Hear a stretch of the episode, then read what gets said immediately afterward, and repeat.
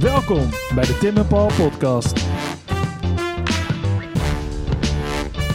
De vaderlandse geschiedenis begint bij de beeldenstorm. Vroeger, toen mensen nog echt boos waren. Rare jongens, die beeldenstormers. Maar wie waren dat nou eigenlijk? En wat kwamen ze doen behalve een kerk in elkaar stompen? We hebben het vandaag over protestantse strijders, zoals Maarten Luther Johannes Calvijn? en Jan Hus. Jan Hudson, Samen met dokter David de Boer breken we een lans voor het werkwoord stormen. En hebben we het over de eerste hooligans uit onze geschiedenis. 1566, never forget. Het is, het is de klassieke vraag zo langzamerhand, hè? Ja. Waar zijn we vanavond? We zijn op de Sumatra-kade in Amsterdam. En eh, we zijn te gast bij iemand die ik eh, heel hoog heb zitten. Niet alleen vanwege zijn eh, enorme historische kennis, waar we het straks over gaan hebben. Maar ik ken hem vooral vanwege iets totaal eh, anders. Want wij zitten hier met David de Boer. Dokter David de Boer, moet ik zeggen. Correct. Ja. Eh, historicus, geniaal, maar vooral ook bekend bij mij als frontman, leadzanger van voormalig Kill Follins, eh, onze, onze prachtige band die helaas ter is gegaan. Ook wat minder bekend bij het publiek. Maar We waren niche. Underground, Ja, heel. Conceptueel Ja. avant-garde, ja, ja. precies. Ja. Eh, David, wat eh, leuk dat je tijd hebt voor ons. Ja, dankjewel. Eh welkom op de Sumatra. ja, we zeggen altijd welkom bij ons in de podcast, maar, of welkom bij ons, eh, bij ons, maar we zijn natuurlijk al vaak gewoon bij mensen op We zijn op welkom bij elkaar. Precies, ja. Paul, waar gaan we het over Ja, hebben ik wil die vraag eigenlijk net aan jou stellen, Ehm, Tim. Volgens mij gaan we het over de beeldenstorm We hebben. gaan het over de beeldenstorm hebben. Ja, dat is toch wel een enorm kanon dingetje. Momentje. Iedereen weet iets over de beeldenstorm. Of tenminste, pretendeert iets te weten over de beeldenstorm. Ja. Namelijk, er was ellende. Dingen, dingen werden kapot geslagen. Dingen werden kapot gemaakt. En eh, David weet daar in principe vrij veel van. Is het dan misschien een leuke openingsvraag om eens even... Hè, per- periodisering. Wanneer was het? Wanneer begint het en wanneer was het afgelopen? Dat is, eh, dat is meteen al een hele goede vraag. Want als je aan de beeldenstorm denkt... Kijk, dan denk je eh, vooral altijd meteen aan de zomer van 1566. Tuurlijk. Die een- prachtige zomer. Ja, in augustus in Steenvoorde begint het. Eh, dat ligt tegenwoordig in Noord-Frankrijk. En eh, in een rap tempo, in twee maanden, zijn de hele Nederlanden gestormd tot, eh, tot Groningen. gestormd ook als werkwoord. Ja. Ja, ja, zo zou je het kunnen noemen. eh, gebroken. Ehm, maar het zou fout zijn om te denken dat dat de enige beeldenstorm was. Er wordt eigenlijk regel- er zijn verschillende golven van beeldenstormen in, eh, in de Nederlanden. Dus je hebt in 1566 de allerbekendste. Ja. die we Dat is ook- degene die wij krijgen in de geschiedenisboekjes. zeg Degene die krijgt in de geschiedenisboekjes. Ehm, maar ook in 1572, als de opstand al gaande is, hè, de 80-jarige Ja. oorlog, zoals die wat breder bekend is. eh, als steden worden ingenomen door staatse legers, waar veel protestanten bij horen, wordt er ook weer veel gestormd. En in 1580, als de opstand, hè, die 80-jarige oorlog, steeds meer een beetje confessionele trekjes begint te Ja. krijgen, wordt er ook weer enorm veel gestormd. Dus eh, de bekendste is die van 1566. Maar ehm, er wordt. eh, Dus door de- zeker niet de enige. We Dus, eigenlijk zeker hebben over beeldenstormen. Ja. Je moet het hebben over beeldenstormen. En, en ook de bekendste v- overblijfselen van de beeldenstorm... bijvoorbeeld is in Utrecht, in Dom. Als je daar eh, naar binnen loopt... dan kun je nog allemaal prachtige voorbeelden zien... van afgehouwen koppen die daar zijn blijven staan. en dat is een kerk die dus gespaard bleef in 1566. Er werd wel gestormd in Utrecht toen, maar... Sorry, ik vind het werkwoord stormen Echt echt, wel heel ve- vet. heel Nog fijn, even ja. de props voor het dat- dat werkwoord stormen. Ja. Ja, die kunnen we ook van nu vandaag de dag weer goed gaan gebruiken, Ja. denk ik, bij het stormen van. Maar in ieder geval. Long ehm, story short, die kerk in Utrecht inderdaad. dat was pas in 1580. Die kerk, dat is, dat de Ja. dom in Utrecht. Hè? Ja. Dat is niet zomaar een kerkje, Tim. Nee, Nee. sorry. Maar ik dacht, ik pak hem weer even leuk op. En dus Ja. voor de storm, dat het hele kerkstuk werd weggeblazen, werd hij al gestormd in 1580. Dat is een ander verhaal. Wauw. Wauw. Ehm, voordat we verder gaan praten over die golven van stormen. En misschien nog even goed om eh, iets verder naar het begin. eh, voor 1566 aan te duiken. Want het is niet dat iedereen in één keer wakker werd in augustus en dacht. Laten we die kerken kort en klein gaan staan. Daar zit natuurlijk een, eh, een geschiedenis bij. Gaan we het hebben over de reformatie, Dat jongens. lijkt me misschien wel een goed idee. Dat is ook zo'n vrij Kanon. belangrijk. Dit was een dingetje hè, in de 16e eeuw. Ehm, wat is, zijn de, de- is de beeldenstorm echt deel van de kanon? Weet ik officieel niet. Het is al een tijdje geleden ik ben af, dat ik op de, niet meer op de middelbare school zit. Maar het is in ieder geval iets dat iedereen wel het is kent. toch Ja. wel een soort van... Daar begint ons, ons, Precies. ons vaderlandse En- en geschiedenis. Als het begin- niet in de kanon staat, dan willen we Dan ons bij deze hard Dan, voor maken. dan breken Ja. wij een lans voor Dan brengen wij een standbeeld voor de, voor de beeldenstorm. Ja. Ja. Eh, wat zijn... eh, sorry, Tim. Nou ja, breng ons naar de reformatie. Ja. De reformatie, ja precies. Als we de beeldenstorm willen begrijpen, moeten we terug naar de reformatie.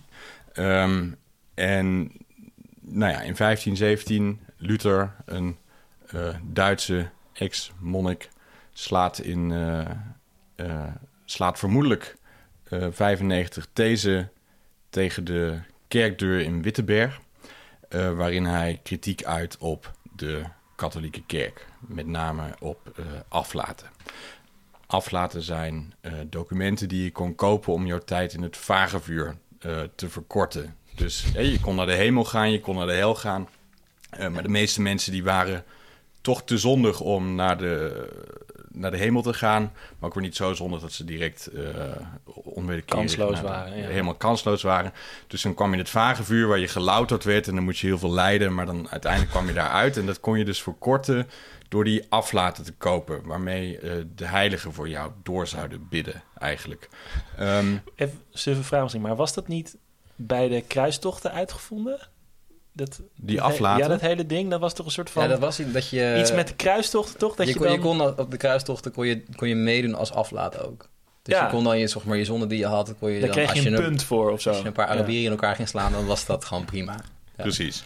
En die theses gaan dus voornamelijk over de aflaten, maar je moet het eigenlijk zien als een, als, als een wat breder, bredere beweging in Ja. de religieuze geschiedenis van Europa. Dat mensen willen terug, of er is, zijn eigenlijk bredere ideeën dat we terug willen naar, ehm, naar het woord van God, hè, de Bijbel. Ja. En echt naar de soort van individuele geloofsbelevenis. En die hele aflaten eh, praktijken en ehm, dat vagevuur, daar zijn geen goede, er is geen goede basis voor in de Bijbel. Ja. Ehm, dus Luther wil daar niks van hebben. En het heeft eigenlijk te maken met een, een bredere beweging om dus terug naar de Bijbel eh, eh, en terug naar dat alleen het geloof als het ware Gewoon belangrijk De leidraad is, toch? Ja. de leidraad ja. is. En, maar heeft het toch ook mee te maken dat, dat ehm, de katholieke dienst vaak in het Latijn is, toch ook? En dat het daardoor ook super abstract is? Of... Het Ja, gaat dat via heeft- iemand anders, het moet... Ja. Maar ja, ja. Precies, het heeft er alles mee te maken. Want deel van dat je terug wil naar het woord van God en naar de individuele, hè, sola fide, sola scriptura, alleen de schrift en alleen, eh, alleen het geloof, is dat mensen moeten begrijpen waar het om gaat. En het gaat om jouw individuele relatie met God. Dat is de, Ja. manier, de regels van hoe je in de hemel komt, eh, worden eigenlijk opnieuw eh, uitgehandeld, als het Ja. ware. Ehm, dus een intermediair in, in- door, door middel van een priester of een, of een paus wordt als, eh, als onzinnig gehouden. Het gaat om Ja. jouw relatie met God. Dus je moet begrijpen waar de mis over gaat, als het ware. Ja. Je moet zelf die Bijbel lezen. ehm, en die directe relatie tot God, en nu komen we langzaam een beetje bij de beeldenstorm uit, moet ook niet middels allerlei heiligen gaan. Want ehm, ook die hele heilige cultus, die, die, die de katholieke kerk predikt en die heel erg wijd verbreid is in Europa, ehm, dat wordt gezien, dat wordt vanaf dat moment door, door reformatoren gezien als een vorm van afgoderij, waar je van af moet. Ehm, Dat leidt ook alleen maar af natuurlijk, toch? het leidt alleen maar af en het wordt gezien als een soort van eh, ja, magisch bijgeloof, als het ware. en dat, ehm, dat heeft geen plek. Maar goed, nu zijn we bij Luther, 1517. En, en Maar je, Luther... sorry, je zei net ook nog even, eh, in het begin zei je vermoedelijk spijkert hij die deze aan de, mu aan de deur. Ja, Maar dat is misschien ook een beetje apocrief. Dat klinkt namelijk wel mooi van ik ben heel boos en ik schrijf of ik timmer het aan de muur, maar dat is niet per se waar. nee, er zijn geen goede contemporaine bronnen voor dat hij dat gedaan zou hebben. Ehm, en het, het klinkt heel dramatisch tegelijkertijd. Als hij het gedaan zou hebben, het zou goed kunnen dat hij het gedaan heeft. En is het ook weer blijkbaar niet zo dramatisch als we ons dat voorstellen. Want omdat niemand het- heeft erover geschreven dan. Nou, het was vrij normaal. Het was een, een, een universiteitsstad dat eh, de discussies die je aan de universiteit wilde voeren, dat je die als het ware aan zou kondigen met bepaalde punten en dat je die op de eh, deur van de kerk spijkerde. dus ja, je zou denken, oh, dat is al een vorm, dat is al een soort van beeldenstorm, want je gaat iets tegen de deur aan timrammen. Maar dat was eigenlijk wel gewoon volstrekt normaal Ja. dat dat gebeurde. Het ja, was niet- Blackboard het was in bestond nog niet, toch? Nee. Nee, er was geen blackboard, dus dan moest je het op die manier doen. Eh, maar goed, er zijn geen goede bronnen voor dat hij het echt gedaan zou hebben. Ehm, Wat denk jij? Kan je er iets over zeggen? Denk je dat het wel of niet was? Help ons. ik, ja, interesseert me eigenlijk Oké. niet wel.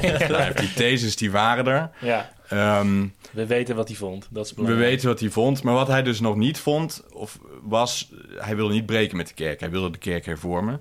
En pas op het moment dat de paus, Leo de tiende, geloof ik, ehm, in ieder geval Leo, ik meen de tiende, ehm, die excommuniceert hem, hè, die, die, die Ja. gooit hem buiten. eh, Die gooit buiten hem in de ban. Precies, die gooit hem in de ban. En vanaf dat moment is er echt, echt een soort van kerkscheuring Ja. Maar dat is toch best wel gek, want het is, het is één iemand die iets op één deur spijkert, Ja. wellicht, vermoedelijk. Eh, hoe komt dat dan bij de paus terecht en waarom heeft dat dan zoveel impact? Ja, dat is een goede vraag. Vooral omdat historici steeds beter begrijpen dat Luther ook niet uit het eh, niks kwam vallen. Je hebt eigenlijk, er is heel lang, is er een soort van idee geweest onder historici dat, zeker onder protestantse historici, dit soort religiegeschiedenis wordt dat, is de, de geschiedenis van dit soort religiegeschiedenis is altijd heel erg vanuit confessionele hoek geschreven. En dat Ja, in de tuurlijk. laatste decennia beginnen ook wat minder religieuze mensen zich daar steeds mee mee Zie je bezig te houden. voor me zitten, denk ik, ja. Ja, nou ja, ja. Ehm, en er was, die gingen er, of het, het narratief was vaak voor eh, ehm, Luther was de, de kerk eigenlijk totaal verloederd en ehm, mensen waren niet zo.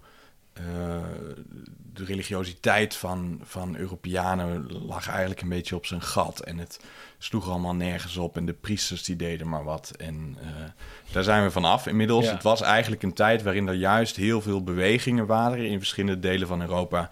Van mensen die ehm, op een nieuwe manier zich tot het geloof wilden verhouden. Dus ook dat hè, terug, naar de, terug naar de kern, dat zie je al in het humanisme heel erg. In Ja. de moderne devotie, zoals we dat eh, in, in de Nederlanden al vanaf de 15e eeuw hadden. Ehm, dus het komt niks uit het niks, niet uit het niets vallen. Je hebt ook al grotere bewegingen in Engeland met John Wycliffe en ehm, in Tsjechië met Jan Hus, die dan Ja. constant wordt verbrand. Maar wat wel echt een verschil maakt, is dat ehm, Luther enerzijds... Duitsland is enorm versnipperd in die tijd. Je hebt allemaal vorsten die... eh, je hebt wel een keizer, maar dat is Ja. geen... Eén grote lappendeken van Het één- staatjes, toch Precies, eigenlijk? het is een lappendeken van staatjes. Duitsland, zeg maar, wat we nu dan als Duitsland, Duits grondgebied zouden Ja, Dat erkennen, is- maar dat is eigenlijk gewoon dus inderdaad allemaal gewoon losse... Precies, en dat is een keizer, maar die keizer heeft niet alle macht. De, de, de, de, de echte kern van de macht ligt eigenlijk bij, bij allerlei verschillende soorten vorsten. En dat zorgt er ook voor dat die paus wat meer invloed heeft, of steeds meer invloed probeert te hebben in Duitsland. En daardoor is die macht van die paus, wordt ook vaker wat als storender ervaren. En in Engeland kunnen ze daar al wat meer afstand van hebben. Ehm, en dat zorgt ervoor dat die vorsten, of in ieder geval één vorst gaat Luther steunen. Eh, waardoor hij dus in ieder geval deels de wereldlijke macht achter zich heeft zitten. En anderzijds, wat een heel belangrijke rol speelt, is dat de eh, drukpers, die een aantal decennia daarvoor is uitgevonden, eh, eveneens in Duitsland, in Mainz, dat hij het makkelijk Is maakt. in Nederland was toch ook een verhaal dat het in Is Nederland in is Haarlem? nee, eh, Nee, Maar dat is is zo- Haarlemse stadshistoricus die Ja. vindt dat het in. Haarlem was. Dat weet ik niet. Nou, volgens mij is die eigenlijk is de drukpers dus Ja, China. uitgevonden in, eh, in, in China of in Korea zelfs, Ja. geloof Ja. ik. Ehm, maar ja. dat- onafhankelijk. Ja. Goed. Eh, Dus ja, die drukpers helpt, helpt er gewoon bij dat dat idee zich sneller verspreiden, toch? Dat die ideeën zich sneller verspreiden, inderdaad. En dat er voor het eerst niet alleen... Want er worden er voor die tijd worden er ook al religieuze werken gedrukt... maar nu voor het eerst heel erg opinierende werken. Dus het idee dat je een, een mening moet vormen aan de hand van dit soort... Ja. En dat, dat doen Lutheranen heel goed. Die gaan enorm veel van dat soort stukken publiceren... om, eh, om zich hard te maken voor hun geloof. We zijn nog steeds bezig met de aanloop. Ja. Maar ja, Ja, maar ik wil even één, één vraag stellen, want dat vind ik wel interessant. Je zei dat een Duitse vorst eh, ervoor kiest om protestants te worden, of tenminste Luther te steunen. ja, Ehm, in hoeverre worden dat soort... Ik weet dat het koffiedik kijken is hoor, want het is Ja. een beetje zo van wat als en Ja. in, in, indien en zo. Maar je voelt hem denk ik aankomen. In, hoe- in hoeverre was deze man het eens met Luther en in hoeverre was het misschien ook gewoon politiek stuk. politiek vraagstuk om te denken van wat je zei, die, die macht van de paus een beetje te breken. Ja, dat is de eeuw- eeuwige vraag over motivatie en, en legitimatie, zeg maar. Ja, Waar je als historicus ook nooit helemaal uit zult ko- zult komen. Want je kunt niet in de, Nee, in de hersenen van die mensen kijken, helaas. Ik denk dat als je... Mensen zijn er heel erg goed in om dat wat goed is voor hunzelf echt te gaan geloven. Volgens mij. Ja. We kunnen onszelf heel goed bedonderen met dit soort dingen. Ik denk dat weinig mensen het zouden zijn gaan aanhangen... als ze daar niet ook een bepaald gewin mee zouden hebben. Maar dat neemt niet weg dat je ook heel erg in je eigen gelijk kunt gaan geloven, Ja, zeg Ja, maar. dat er ook een bepaalde oprechtheid in zit. In die- Precies. Maar die vorsten hadden er wel degelijk veel bij te winnen. Want ehm, in Duitsland in ieder geval was een derde van alle eh, land behoorde de kerk toe. Dus als jij op een gegeven moment ervoor kiest om Lutheraan te worden, om, om te breken met de katholieke kerk, dan kun je natuurlijk ongelooflijk veel rijkdommen van de kerk confisceren. Dus er was ook wel redelijk, wel degelijk een, ja. een goede reden om, om, eh, om te breken met die kerk en Dat op die manier in- meer macht naar je toe in te Engeland trekken. natuurlijk ook met Henrik de Achtste, toch? Precies, het is Ja, heel gecalculeerd. Ja. Nou, Hendrik de Achtste is wel, wel een perfect voorbeeld van iemand die dat echt, correct me if I'm wrong, puur doet omdat Ja. het goed uitkomt. Maar nog even voor de mensen die Hendrik de Achtste niet, niet meteen weten. Dit was die guy die In Engeland. heel met veel vrouwen Heel veel had. vrouwen, een paar Eh, onthoofd. En die wilde, die wilde scheiden, toch? Die wilde scheiden en dat mocht niet. En toen ging je maar scheiden met de kerk. Ja, nou, te- technisch gezien wilde hij niet scheiden. Hij wilde dat zijn huwelijk ehm, Ontbonden eh, ontbonden zou worden. Dus dat zou betekenen dat hij het huwelijk niet geconsumeerd heeft. Dus hij heeft geen seks gehad, claimde hij. En dan kon je het huwelijk voor nietig laten verklaren eigenlijk. En dat had hij eigenlijk ook al voor elkaar kunnen krijgen... waarschijnlijk van de pauze waar. Niet dat hij ergens anders mee bezig was. En dat, ik weet het ook niet precies hoe dat Ja. zit hoor... maar dat was een heel... Ja. Ja, Maar long story short, hij besluit om dan niet, niet alleen te scheiden van zijn vrouw, maar gewoon met de kerk ook. En dan protestants te worden, toch? Plus dan en, alle kloosters leeg te halen. en zijn eigen Precies. kerk op te richten. Ja, hij richt zijn eigen kerk op. En dat is ook een soort van gekke mengelmoes van Lutherse en, en katholieke praktijken die door elkaar, eh, die door Ja. elkaar gaan. Ehm, maar goed, we zijn nog steeds bezig In met een hele lange aanloop. Want die beeldenstorm wordt ook niet door Lutheranen. ehm, Ja. En Luther zegt ook niet... Trap, Ga, ga trap in die, wat je net zei, hij wilde eigenlijk alleen maar hervormen, niet per se breken, toch? Ja, en zelfs op het moment dat hij breekt met de kerk, of dat de kerk breekt met hem eigenlijk, is hij nog steeds. Luther vindt eh, respect voor de wereldlijke autoriteiten heel erg belangrijk. Dus op een gegeven moment is er ook een, een boerenoorlog in Duitsland eh, van boeren die, die achter Luther claimen te staan. En Luther veroordeelt dat ontzettend, want je mag nooit in opstand komen tegen je heer. En je mag dus ook niet zomaar eh, de kerken leeg gaan plunderen, want dat is ook een vorm van, nou ja, Macht, geen... Ja. Ja, en je bent dan niet echt gezagsgetrouw als je Ja. dat doet, Er zit ook wel wat in, toch? Ja. Er zit zeker wat in. En daar komen we nog wel op terug, zometeen, met die beeldenstorm. Ehm, Maar dat zijn dus geen Lutheranen, die mensen die gaan stormen. nee, het zijn geen Lutheranen. dus nee. Het zijn, want je, eh, een, een aantal decennia later ehm, heb je eigenlijk... Als we het over de reformatie hebben, dat is eigenlijk meest een onhandige term. Het is eerder een tijd waarin, waarin er allerlei reformaties zijn.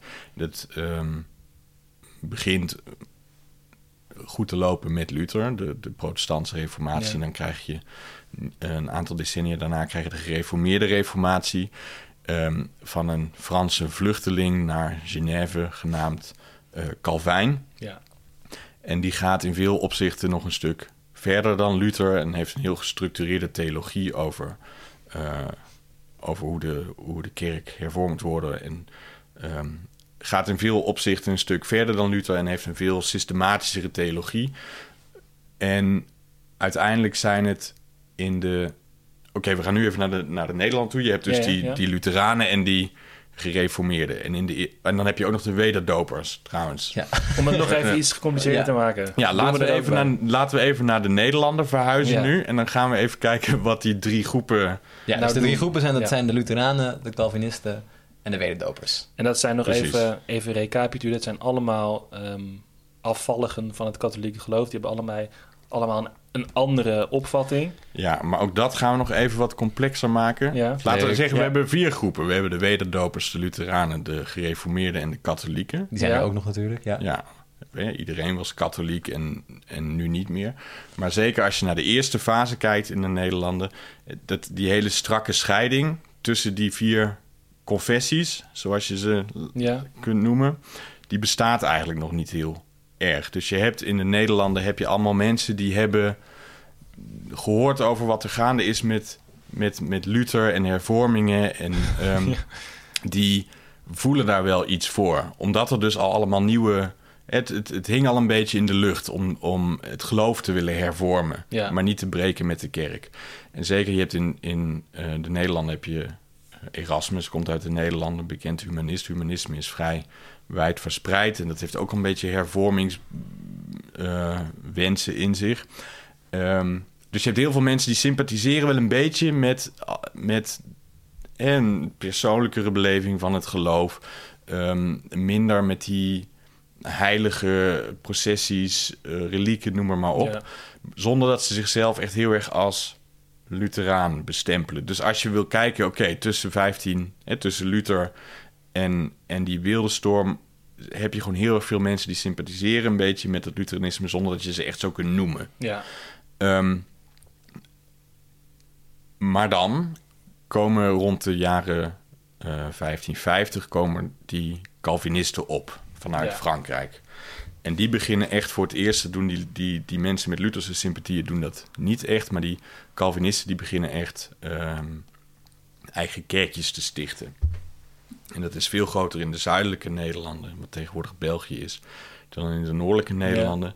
Ehm, maar met die Calvinisten komen dus echt de eerste andere kerken in, in de Nederlanden op. Of tenminste, daarvoor, heb je- ja, oké, daar heb je nog die wederdopers. Dat ben ik nu Ja. even vergeten. Wederdopers zijn een soort van hele radicale groep... die echt een soort van nieuwe, pure gemeenschap willen stichten. Die heet ook wederdopers omdat ze zich als volwassenen... Ze vinden pas dat je als volwassene gedoopt moet worden. Dus de eerste generatie was al ooit als kind gedoopt. En Daarna vindt weer dat je- gedoopt. Ja. Precies, Ja. want je moet bewust kiezen voor, voor ehm, het ervaren van God. En dan moet je ook een heel strikte community Zit op rails zich ook wel Er iets in, wat in, ja. toch? Zit ook wel wat in. En wederdopers zijn er ook nog steeds. Hoe, eh, de, de Amish in, in Ja. de Verenigde Staten, dat zijn wederdopers. Wederdopers. En dat zie je ook nog steeds terug, hè, dat die in van die hele ge- afgesloten gemeenschappen leven, Ja. waarin er heel sterke eh, morele tucht is. En dat als je je niet helemaal gedraagt zoals de Bijbel dat verlangt, dan word je, er, word je eruit geknikkerd. Ja. En, maar eigenlijk zowel ehm, protestanten als katholieken vinden die wederdopers eigenlijk een beetje eh, radicale engerts. Freaks. Ja. Is dat ook niet, misschien een beetje, heb ik eh, iets anders in mijn hoofd, maar is dat ook niet dat ze ergens gaan naaklopen de hele tijd? Ja, hier in Amsterdam. Ja. Nou, de hele tijd. En de hele tijd niet. één keer doen ze dat. Maar... Nee, die wederdopers die hebben een hele slechte naam. ehm, omdat ze in de jaren 30. eh, er zijn ook allemaal eindtijdverwachtingen in deze tijd. Mensen hebben heel erg het gevoel, hè, omdat de, hele, de kerk valt helemaal uit elkaar aan alle kanten. Ehm, eh, mensen zien op De apocalyps komt eraan. Ja, de apocalyps komt aan. Dat is heel erg zo'n eind, eindtijdidee. Of in ieder geval het gevoel dat, er, de, dat God allemaal dingen aan het sturen is. En het is allemaal niet... eh, en die wederdopers die denken op een gegeven moment... dat ze een soort van een nieuw Jeruzalem moeten gaan stichten... om, om de verlosser eh, ehm, in te huldigen. En die zien eh, Münster als het nieuwe Jeruzalem... en die stichten daar een soort van hele extreme theocratie... Eh, en die voeren polygamie in en ehm, het wordt een, een, heel apart regime. En dat proberen ze dan op een gegeven moment in 1535 proberen ze het in Amsterdam ook. En dat mislukt. En dan is er een oproer inderdaad. Eh, mensen trekken hun kleren uit als een soort van hè, naakt voor God of iets dergelijks. Ehm, en proberen ook van Amsterdam zo'n zo'n stadstaat te maken, zeg maar. En dat wordt uiteindelijk neergeslagen. En dat zorgt ervoor dat mensen allemaal met elkaar eens zijn... dat die wederdopers Die zijn- een soort van hele gaan- enge groep... ver, die gaan ja. veel te ver, Ja. dat moet je niet willen. En dat is ook wel een beetje zielig voor die wederdopers... want die, die ze worden... doen het allemaal heel goed. ja, die, die worden daarna eigenlijk eh, heel, heel brave eh, ehm, eh, burgers van wat later de republiek wordt, zeg maar. En, maar die worden heel vaak toch herinnerd aan dat verleden. Ehm, terwijl ze, ze noemen zich dan ook, ja, ze noemen zich liever Mennonieten. En ze, ze gaan helemaal af van dat politieke. Maar goed, dat is dus een groep die wil ook geen wil- wereldlijke autoriteit erkennen en zo. Dus die wil ook niet in het leger dienen, daar moet niemand iets van hebben. Ehm, goed, dus Ja, je was aan het vertellen hoe ehm, langzaam die contouren duidelijk worden, toch? Langzaam worden een beetje die contouren duidelijk, maar je ziet eigenlijk nog steeds aan de vooravond van die beeldenstorm dat er dus allemaal of dat er eigenlijk een hele brede middengroep is van mensen die niet echt protestant zijn. Ja, maar Ehm, wel twijfelen aan het katholicisme. Of ook niet Ja, zo. gewoon willen dat het dat, dat er het heeft. Er is veel kritiek op de clerici. ehm, eh, mensen sympathiseren met delen van het geloof, maar er zijn maar weinig, weinig echt committed Calvinisten in het zuiden, Ja. wat meer dan in het noorden. Ehm, en tegelijkertijd is het een periode waar van en er is dus in heel Europa zijn dit soort godsdienstproblemen. Eh, Frankrijk is al een godsdienstoorlog gevallen. Ehm, in Duitsland zijn er allemaal godsdienstoorlogen gevoerd. En tegelijkertijd zie je dat in de Nederlanden eigenlijk dit soort eh ketters, als het ware, het hardst worden vervolgd. Van alle delen van Europa is er een enorm, enorm eh, flinke repressie tegen, tegen dit soort nieuwe ideeën die vanuit, ehm, vanuit Philips II wordt doorgevoerd. En of je nou katholiek bent of protestant of een beetje tussenin, iedereen heeft een eh godschuwelijke hekel aan die vervolgingen. Daar, daar moeten mensen niks van hebben. Want even over staatkundig dan even te hebben. Op dat moment zijn de lage landen onderdeel van het Spaanse keizerrijk. Precies, ja. ehm, Vandaar dat Philips II hier wat te zeggen heeft. Zeg maar. precies. Philips II is technisch gezien koning, want de keizer Oh. is zijn oom. Maximilian. Eh, eh, nee, eh, Ferdinand, als ik me niet vergis. Ja, Ferdinand. Sorry. De broer van Karel V. Ja. Ik ben het ook al kwijt hoor, jongens. Maar ja, Ja, goed. maakt niet uit. Philips, ja, koning. Philips is koning, die moet er niks van hebben en die probeert het heel hard de kop in te drukken. Vanuit ehm, Spanje, inderdaad. En mensen moeten er niks van hebben, omdat het ook allemaal ingaat tegen lokale rechten en privileges. Die, je had bijvoorbeeld altijd het recht als burger van Amsterdam bijvoorbeeld om in je eigen stad te worden berecht. En, en Philips II, die, om die ketterij maar de kop in te drukken, probeert hij heel erg ehm, dat vanuit een soort van centrale inquisitie te doen. En dat vinden mensen, ehm, moeten er niks van hebben, ook als ze zelf niet gereformeerd zijn. Dus hebben we nu genoeg aanloop om, om bij de beeldenstorm Ja, Ja, te er is, komen? er vind is wel. even nog... Er zijn dus die groepen, die contouren worden langzaam maar zeker zichtbaar. De Calvinisten die zijn wat radicaler dan de Lutheranen. En de wederdopers die zijn nog radicaler, maar die Zijn worden eigenlijk inmiddels een weer uit, uit- Ja. het spel gezet, zeg Ja, maar. die zijn een beetje uitgespeeld. Ja, en dan plus de, vanwege de ketterij die er dus gaande is, treedt het gezag, het, het wereldlijke gezag eigenlijk vanuit Spanje hard op. En dat vindt iedereen heel vervelend. Vindt er iedereen heel vervelend. Ja. Precies. Hoewel er dus niet heel veel Calvinisten zijn in het noorden. Ehm, en dan wat er gebeurt is ehm, dat in april 1566 heb je het smeekschrift der edelen. Dat, dat, dat ken je ergens ook nog wel vanuit de ja, schoolboekjes. Ja. Precies, het zijn ehm, allemaal een, een hele grote groep van edelen die, die veel voor het zeggen hebben in, in de Republiek. Die gaan naar de landvoogdes Margarethe van Parma. Dat is de plaatsvervanger van Philips II, ehm, zijn zus. Die zeg maar het dagelijkse bestuur van de Nederlanden vanuit Brussel regelt. Die bieden een smeekschrift aan van... kun je toch alsjeblieft die vervolgingen laten stoppen? is dat ook dat ding dat dan de hoogste edelen als laatste gingen of zo? Zo'n soort... Staat me iets van bij dat ze in een soort hele vage volgorde gingen om... Oh, ongetwijfeld. Dit soort dingen gaan altijd eh, processies en zo in de vroegmoderne tijd.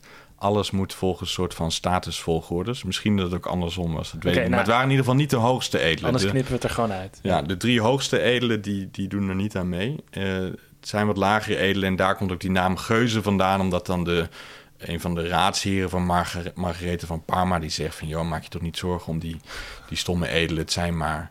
eh, ehm, Bedelaars. bedelaars, eh geu in het Frans. En dat gaan ze dan als geuzennaam gebruiken. Ja.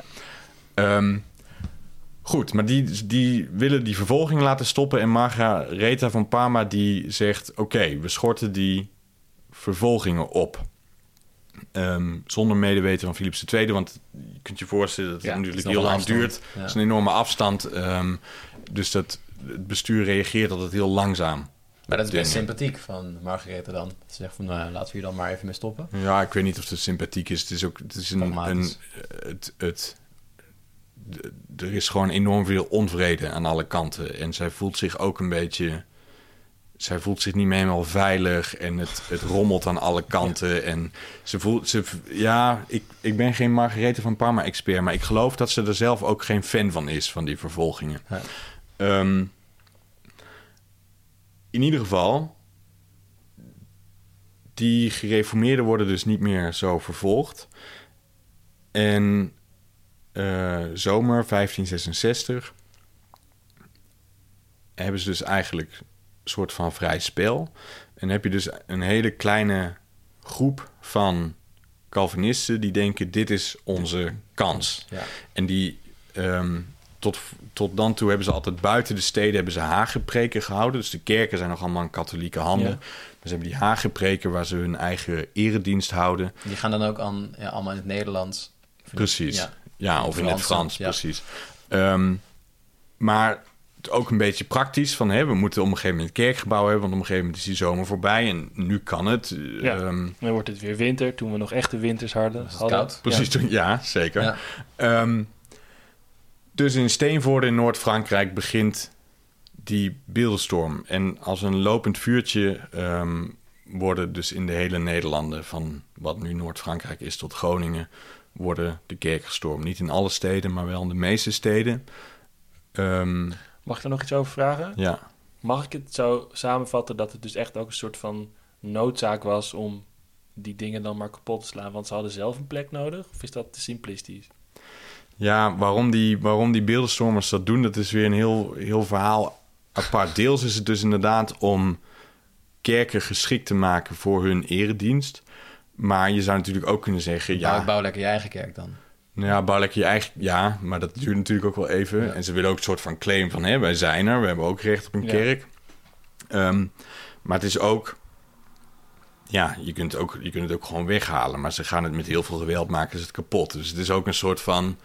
Het is ook een statement, Statement, ja. een statement en zelfs kijk we we gaan er heel en nu komen we een beetje uit bij wie zijn die beeldenstormers nu eigenlijk Ehm, het is makkelijk om te denken nou ja, moest niks van die beeldendienst hebben want het was allemaal afgoderij Ehm, maar de vraag is in hoeverre ehm, het gewone volk tussen aanhalingstekens die theologie van Calvijn, die een soort van hele strikte scheiding tussen het wereldlijke en het, en het, en het hemelse maakte. En al het, alles wat op deze aardbol is, is werelds en is niet goddelijk. En, ehm, of, of elke beeldenstormer dat al helemaal had geïnternaliseerd, Ja. zeg maar. Er zijn heel veel voorbeelden waaruit blijkt dat... ehm, ja, die, die, zo'n zo'n kerk vanuit een katholiek opzicht was een soort van heilige plek. Er zaten allemaal dingen in die soort van contact hadden Ja, met God. Het was een, een gewijde plek. Ehm, maar dat is toch ook dat vage ding dat als je een hostie neemt, dat je dan echt gelooft dat dat het lichaam van Christus is. Ja, dat is ook een van- de priester. Precies. Ja. Het is een van de eh, eh, eh, twistpunten van die hele reformatie. En eigenlijk een, een van de belangrijkste ook... is of het heilige sacrament... volgens de katholiek het heilige sacrament... maar het, dus het eten van het brood... Katholieken geloofden en geloven nog steeds officieel dat dat als een priester de hostie wijdt, dat dat letterlijk Het lichaam van Christus is. het lichaam van Christus is. Dus transsubstantiatie. Ja. Het wordt een andere substantie. Ja. Nou, Luther geloofde dat het een beetje van beide is, maar Calvijn zegt echt: het is alleen brood. Het is alleen als een soort van gedachte, gedachtenis aan, eh, aan wat er gaande was. Maar goed, in ieder geval, in, die kerk staat inderdaad eh, het Heilige Sacrament. Dat is het soort van het allerheiligste dat je in een kerk kunt vinden. Maar ook die beelden zijn. Ja. ehm, Maar het is wel een goed, goed beeld wat je schetst. Dat er allemaal elementen zijn die een soort van direct lijntje met God hebben. precies, het zijn allemaal poortjes tot, tot Ja. het hemelse. Een soort luikjes die je kunt openmaken. Precies. En, ehm, en mensen eh, hebben allemaal relaties tot die beelden. En dat is ja, toegang tot het Ja. goddelijke. En, en het idee is dus eigenlijk dat die beeldenstorm... Die, die probeert te zeggen... nee, dit is allemaal afgoderij. Die kerken moeten gezuiverd worden. Ja. Maar de grap is dat er redelijk wat aanwijzingen zijn... dat vrij veel van die beeldenstormers... zelf ook nog een vrij magisch idee hebben van de wereld... En dus niet zozeer het idee hebben dat ze gewoon stukken hout kapot maken... of stukken brood, of, Ja. eh, maar dat ze echt als het ware demonen aan het bevechten zijn. Dus ze proberen ook niet alleen... Het is, het is niet zeg maar het, het rationele Calvinisme wat dan hier... Nee, we weten, ik bedoel, je kunt het niet helemaal zeggen van nou... 80% van de beeldenstormers geloofde dit en 20% dat. Ja. Maar er zijn dus er zijn anekdotes van beeldenstormers die bijvoorbeeld ehm, verbaasd zijn dat een beeld niet begint te bloeden. Of ehm, die vinden dan op een gegeven moment elk altaar in een katholieke kerk ook vandaag de dag nog heeft relieken Ja. in, in het altaar zitten. Mhm. En dan halen beeldenstormers, die vinden die relieken en die weten niet zo goed wat dat is. En die denken dan dat het een soort van zwarte magie is. Dat de priester heeft gebruikt. En dat, die dat de priester slaat altijd kruisen om zichzelf tegen die zwarte magie te beschermen. Dus heel veel van die beeldenstormers hebben echt het idee dat ze als het ware demonen kapot aan het maken zijn. Dus daarom kunnen die beelden ook niet gewoon weg. Die moeten, Die echt, moeten echt kapot gemaakt worden. die moeten echt kapot gemaakt worden met, met eh, veel geweld en... ehm, Symboliek natuurlijk, die daar ook bij hoort. Precies. En ook beeldenstorm is misschien een beetje een, een aparte term, omdat je dan meteen die beelden denkt. En dat is ook logisch, want dat is het meest visuele aspect van een beeldenstorm. Maar ehm, ook de hosties worden kapot gemaakt. En ook de ehm, kerkvensters worden kapot gemaakt. En de schilderijen, de devotionele schilderijen die in die kerken hangen, ehm, worden Allemaal kapot. Ja. allemaal kapot. Ehm, ja. Hoe kwamen we hier? We hadden, Via Maarten Luther. Ja. nee, nee, we hadden het erover. Ja. We hadden het erover. ehm, vol- volgens mij ging jij. En wat, wat voor mensen die Ja. beeldenstormers Ja. waren. Dus, Ja. eh, Oh ja. en Dat, dat, dat, we vandaan kwamen we op het, het anti-magische idee. Ja. Eh, of wat dat helemaal niet, niet klopt eigenlijk. Het magische Precies. wereldbeeld. En dan... Ja, dus je moet die scheiding tussen die, die groepen ook niet te groot maken. Katholieken hadden allemaal magische ideeën over hoe dat werkte. Hè? Die communicatie tussen het heilige en, en het wereldlijke door middel van dit soort materiële cultuur. Maar ehm, die, die beeldenstormers hadden dat op zekere hoogte ook. Waren het dat ze het gevoel dat ze kwade krachten aan het Ja. bezweren waren. Ehm, en de grap is dat het dus. We, we hebben van die beeldenstormers vaak het idee dat ze. Dat ze of die, die zien we als te modern. ja, vanuit een soort van hele duidelijke overtuiging dat aan het doen zijn. Ja. Ja. Tegelijkertijd zien we die katholieken, hè, die meerderheid die dat ondergaat en die zien dat er al hun kerken eh, aan gort worden geslagen, Ja. die zien we ook vaak, of hebben historici vaak misschien een beetje als te onmodern beschouwd. Als je even dit soort problematische termen erin wil gooien. Ja. Ehm, Ja, maar dat zijn de mensen die geloven in die aflaten. En dat zijn de mensen die daar een soort van... Echt Ja. de sprookjes eh, variant krijgen, zeg maar. Ja, en, en tegelijkertijd zie je dat eh, die groep ook heel vaak juist reageert op die beeldenstorm van... hey, hoor eens even, ehm, jullie slaan hier de kerken helemaal aan gort. En het kan wel zijn dat er allemaal discussie is over... Hè, of dit tot in hoeverre dit nou echt een soort van sacrale waarde heeft, dit beeldje, of niet. Ehm, maar even die discussie terzijde geschoven... Jullie zijn hier alles helemaal kapot aan het slaan. Waar denk je in godsnaam dat je mee bezig bent? Letterlijk, godsnaam waar je mee bezig bent. Ja. Ja. Dus die reageren ook vaak juist met op, op een vrij seculiere manier erop. Zo van, het kan allemaal wel zijn, die, Ja. doe Ja. eens niet. Dit, dit, dit is, dit, er is ook een idee dat wat er in die kerken staat, dat, eh, dat behoort de kerk toe, maar dat ligt ook wat ingewikkelder. Want bijna al die objecten, of veel van die objecten, zijn ooit door de parochie, door de gelovige gemeenschap, zijn die geschonken aan, aan de kerk. En dat blijft ook... eh, ehm, qua rechtspositie Een blijft soort van gemeenschappelijk bezit. Ja. ja, een beetje gemeenschappelijk bezit. En soms zelfs als, als bijvoorbeeld jouw overgrootvader een bepaald devotiebeeldje heeft geschonken of zo. En jij komt in financiële problemen, dan kun je ook deels weer daar een claim op leggen, bijvoorbeeld. Oh ja. Dus het is zo'n dat, dat die kerken die staan helemaal vol met dingen. Maar dat zijn niet alleen maar heilige of niet heilige dingen. Het zijn ook gewoon dingen waar mensen een connectie mee Ja. hebben. Waar ze zuur geld in hebben geïnvesteerd, die een En herinnering emotionele is waarde aan hebben. emotionele waarde, Ja. herinnering aan een overleden dierbare, Ja. waar ze hun hele leven processies rondom hebben gedaan. Dat de trots, zeker ehm, dat soort schilderijen die daar hangen, worden ook gewoon heel vaak gewaardeerd voor hun. eh, voor de Esthetiek, kunst. toch? Ja. Voor de esthetiek. Bijvoorbeeld, jullie hebben ongetwijfeld meegekregen dat, dat het altaarstuk van de gebroeders eh, eh, van Ja. nu gerestaureerd Ja. is. Met dat, met dat dat lam lam, gods ja. dat er nu zo gek uitziet. Ja. Ja, die, ehm, die wordt dus bijvoorbeeld gered tijdens de beeldenstorm. Ehm, omdat mensen ook gewoon deels denken van ja, dit is gewoon hartstikke zo'n... mooi. Precies, dit Ja. is zo'n enorm kunststuk. Dit is de trots van Gent. En dat hebben ze, als ik me niet vergis, in de toren van de, van de Sint-Baafs-kathedraal hebben ze die verstopt. Ja. Ehm, en dat is ook wel weer ironisch ergens, want zo'n schilderij had eigenlijk geen sacrale waarde volgens de, volgens de kerkelijke ja. traditie, volgens de katholieke traditie. Dat was ehm en relieken wel, ja. maar ze, ze ze redden dat schilderij. En een paar dagen daarna worden er allemaal relieken door kerkvensters gesmeten. Dus Ja. het is ook. eh, Het is allemaal vrij complex dat Ja. mensen toch vaak de neiging hebben: oh nee, maar we moeten wel dat, dat, dat triptiek moeten we Ja, ik redden. heb liever dit schilderij Ja. of het glas en lood wat ik kan redden dan de vingerkootjes van... Ja. Precies, dus zeg maar de officiële positie of de soort van de, de kerkelijke traditie correspondeert ook niet altijd met, met de gevoelswaarde die mensen Nee. eraan Nee. aan hechten. Maar het is toch sowieso allemaal best wel abstracte materie. En Ja, ik, weet je, we hebben het vaak over Jan Modaal in onze podcast. Maar Ja. Ik kan me ook voorstellen dat, dat het voor een stormer, hè, die over het marktplein loopt en denkt van goh, er gebeurt iets, een oploopje, ik ga eens kijken. En die staat voor die weet met zo'n beeld in zijn hand. Het is ook, lijkt me voor mensen die niet geletterd, niet gestudeerd hebben, best wel abstract om het, het nuanceverschil dan te weten tussen bijvoorbeeld Calvijn en Luther, maar überhaupt tussen de katholieke traditie en wat er nu gaande is. Heb je daar een idee van hoe zich dat nou bij die mensen zelf terecht kwam? Hoe, hoe, zie- hoe zij zich tot dat idee verhielden? ja die, zoals ik al zei, er zijn in ieder geval aanwijzingen dat sommige beeldenstormers, ik bedoel, Calvijn zou zeggen, dit is gewoon allemaal puur materie, er is niks heiligs aan. En je bent ook geen demon aan het bevechten. Ja, Ehm, het is gewoon een stuk hout. Geen, geen kwade duivelse magie die daar Ja. aan de gang is. Dus er zijn in ieder geval veel mensen die dat, die dat nog niet helemaal doorhebben. Andere mensen ook heus wel. Maar die beeld, zeker die beeldenstormers is een, een ongelooflijk kleine groep. En ook de meeste gereformeerden doen daar niet aan mee.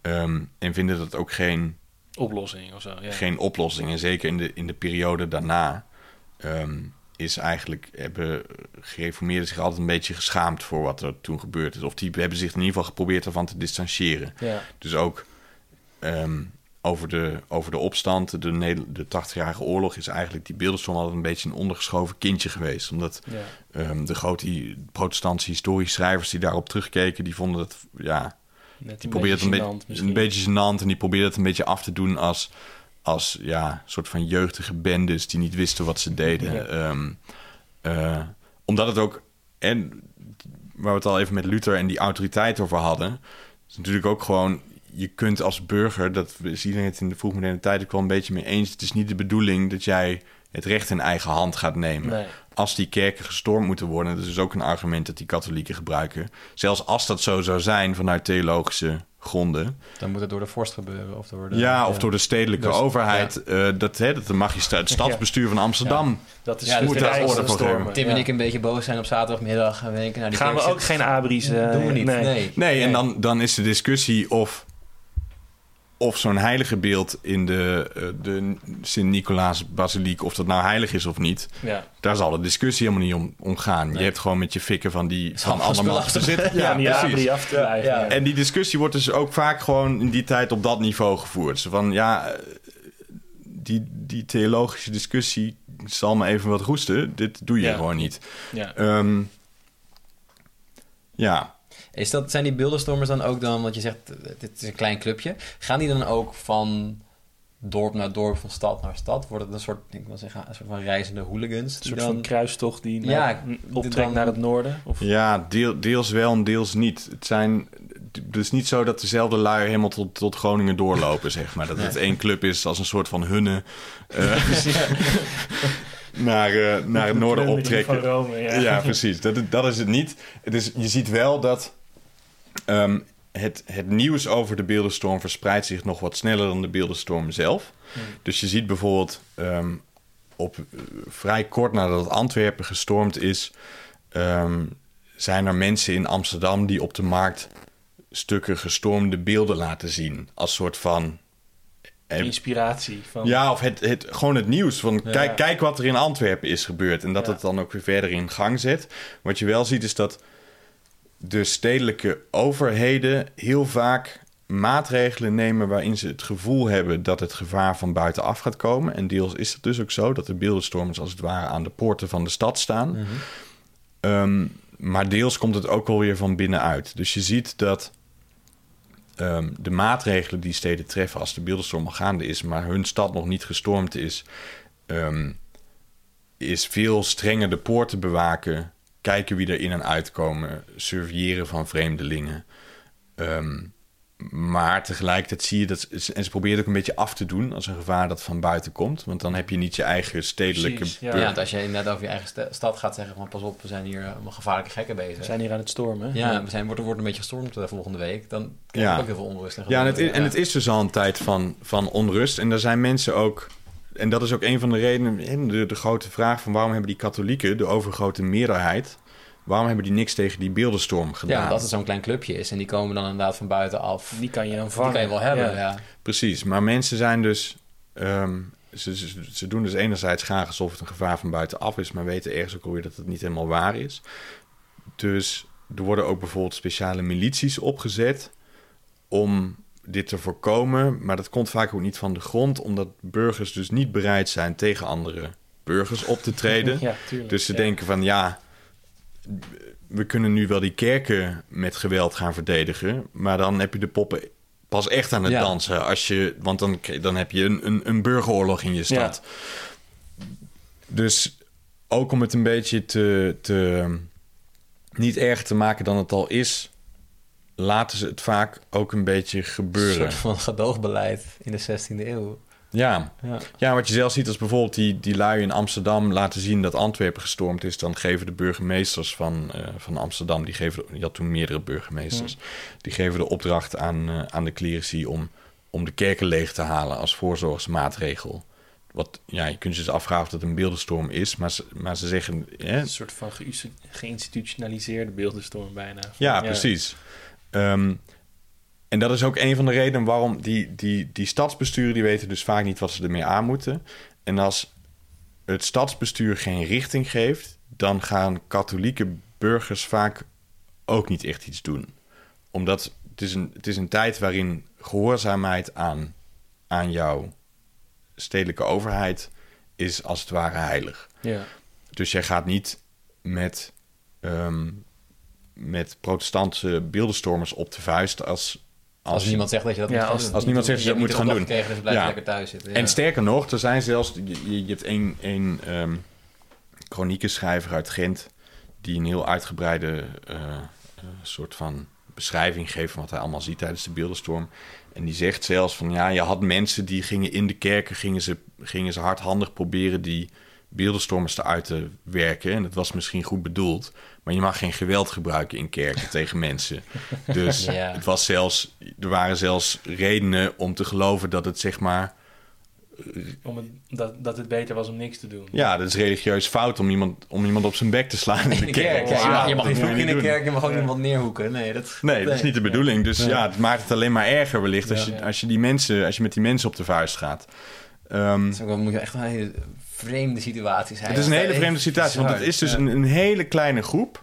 Krijgt het voor elkaar om in een soort van machtsvacuum Chaos te creëren. enorme chaos te creëren, inderdaad. Ja. Dat is wel interessant om even, te- even terug te komen. Wat, We wat, moeten wat, ook een beetje op de tijd gaan letten, Paul. We zijn Ja. drie kwartier onderweg. Jeetje. Ja. Is het Ja. zo? Ja. Oh. we zijn pas bij de eerste van de drie uh, middels aangekomen.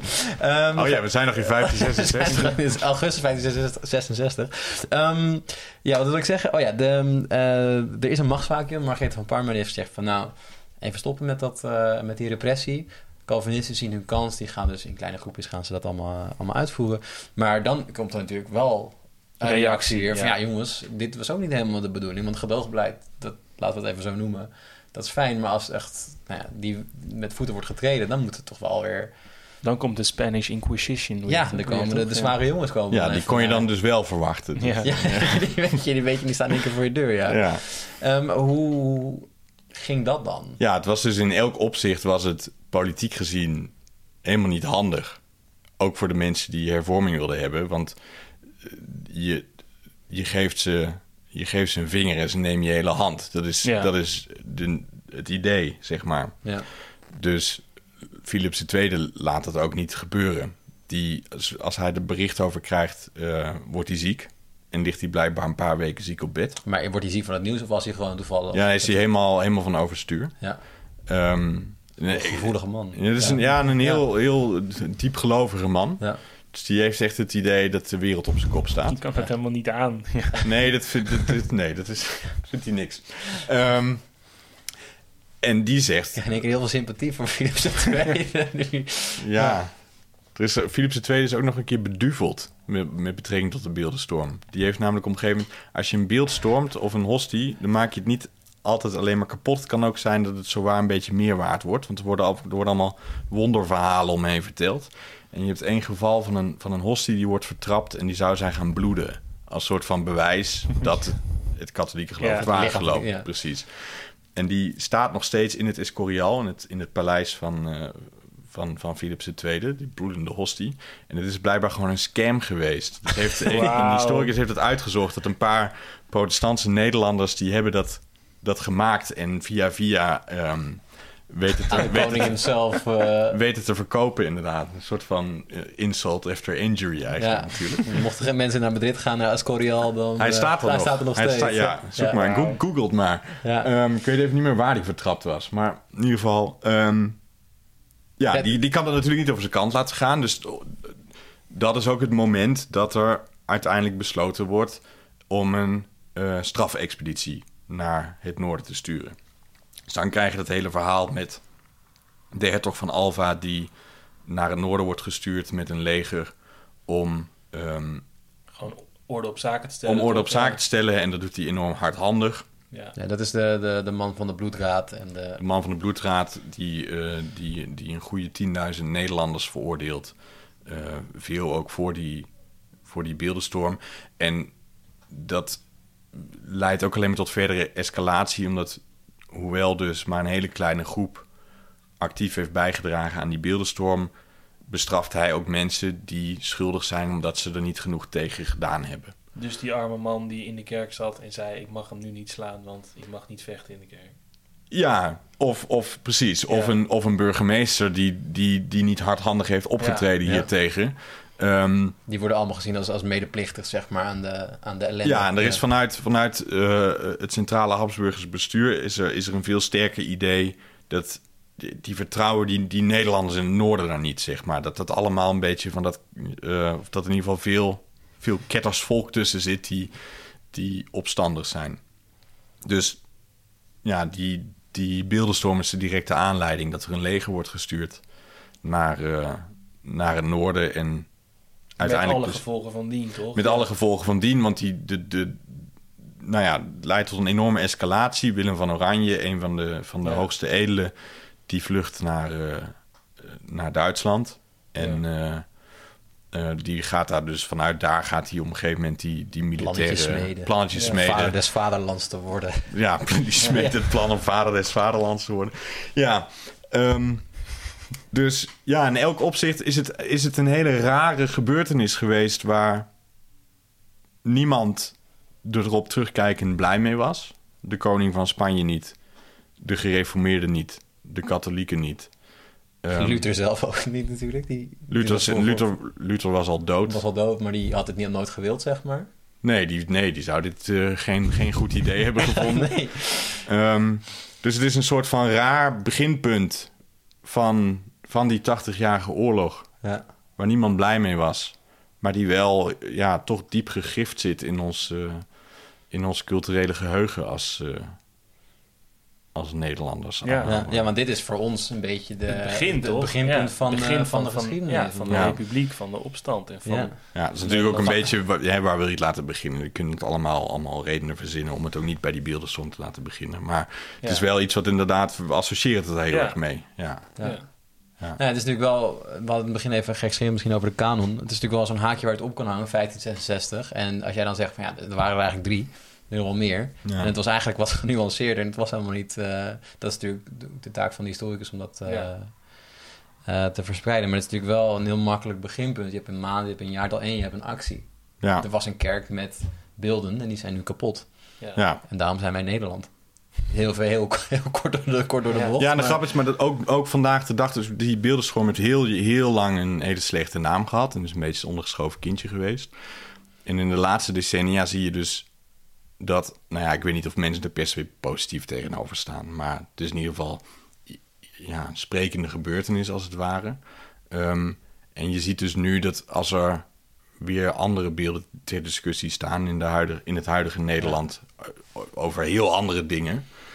Dat mensen dan meteen, als er, als er een, uh, een buste van Maurits in het Mauritshuis wordt, uh, ja. wordt verplaatst, dat, dat de Telegraaf meteen kopt beeldenstorm.